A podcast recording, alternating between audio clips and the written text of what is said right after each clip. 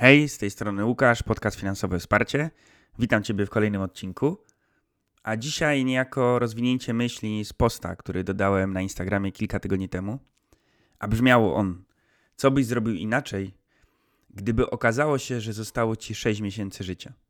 Oczywiście ten post mógł brzmieć: Co byś zrobił inaczej, gdyby został Ci rok życia? Tak, to jakby nie ma dużego aż takiego znaczenia. I teraz, co Łukasz miał na myśli, a jakie pojawiały się komentarze? Myślę, że zdecydowana większość osób oczywiście zrozumiała ten post i do dużej ilości osób on trafił, bo to chociażby mi sugerowało wiadomości, które dla mnie, do mnie pisaliście, czy odpowiedzi e, na właśnie w komentarzach. I teraz część osób nie do końca myślę, że mm, jakby zrozumiała sens tego postu. Może to właśnie jeszcze nie był ich etap, aby zrozumieć sens tego postu. Więc jak ja rozumiem ten post? Życie jest krótkie, generalnie. Z, z której strony by na to nie patrzeć, e, w co byśmy nie wierzyli, tutaj nie ma przycisku replay. Tak? Nie powtórzymy czegoś, co już było.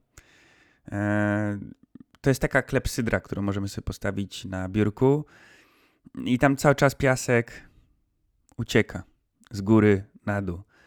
I co byśmy nie, nie zrobili, nie uzupełnimy nagle tego piasku, tak? Nie przedłużymy w nieskończoność tego życia. Nie ma na razie e, takiego lekarstwa, które by pozwoliło nam żyć wiecznie.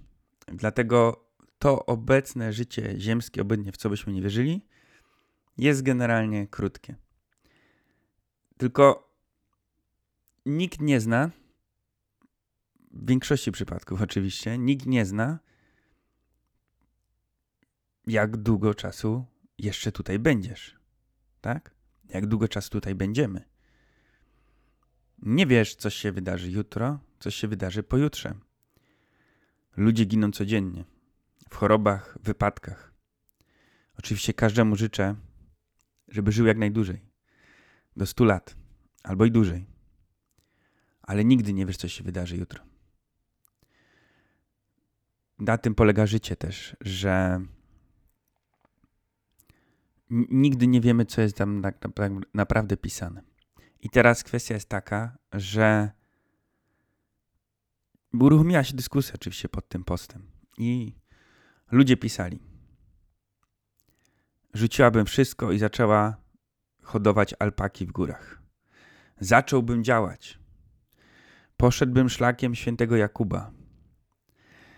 Eee, podpaliłabym miejsce, w którym pracuję. Nie polecam e, piścił tam jakieś krakersy, coś tam. No, różne pojawiają się tam marzenia, które chciałoby się robić, tak? Najczęściej związane z, podróżowa z podróżowaniem i tak dalej, i tak dalej. I ja zacząłem udzielać się tam. No a właśnie. Ale skąd wiesz, że zostało ci więcej? Jaką masz pewność, że zdążysz zrealizować te marzenia, które ewidentnie w tobie siedzą? I to jest sens tego posta. Największy. Jak długo chcesz odkładać swoje marzenia? Marzysz, żeby nagle iść gdzieś? Po prostu spakować się, jak Forest, który pobiegł e, ze wschodu na zachód? To kiedy to chcesz zrobić? To jest jeden z większych problemów generalnie ludzi, odkładanie na później. Oczywiście, że nie wszystkich marzeń, nie wszystkie marzenia da się od razu zrealizować. Ale świadomość tego, że nie wiemy, ile tam nam piasku zostało w tej górnej części klepsydry, powinna być jak największym motywatorem do tego, żeby coś zmieniać.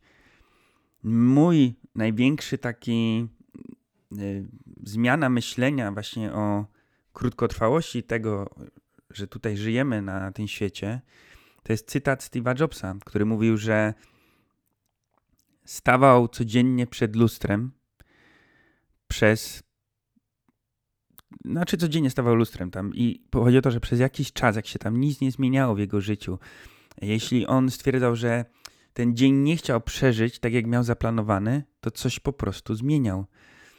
I gdy powiążemy te dwie rzeczy, że nie wiemy, ile nam czasu zostało, a tkwimy czasem robimy rzeczy, których nie lubimy, tak? Albo nie robimy rzeczy, których lubimy, to jest ten czas na zmianę. To jest ten czas na wkurwienie się i na w końcu zaczęcie robienia rzeczy, które faktycznie chcemy robić.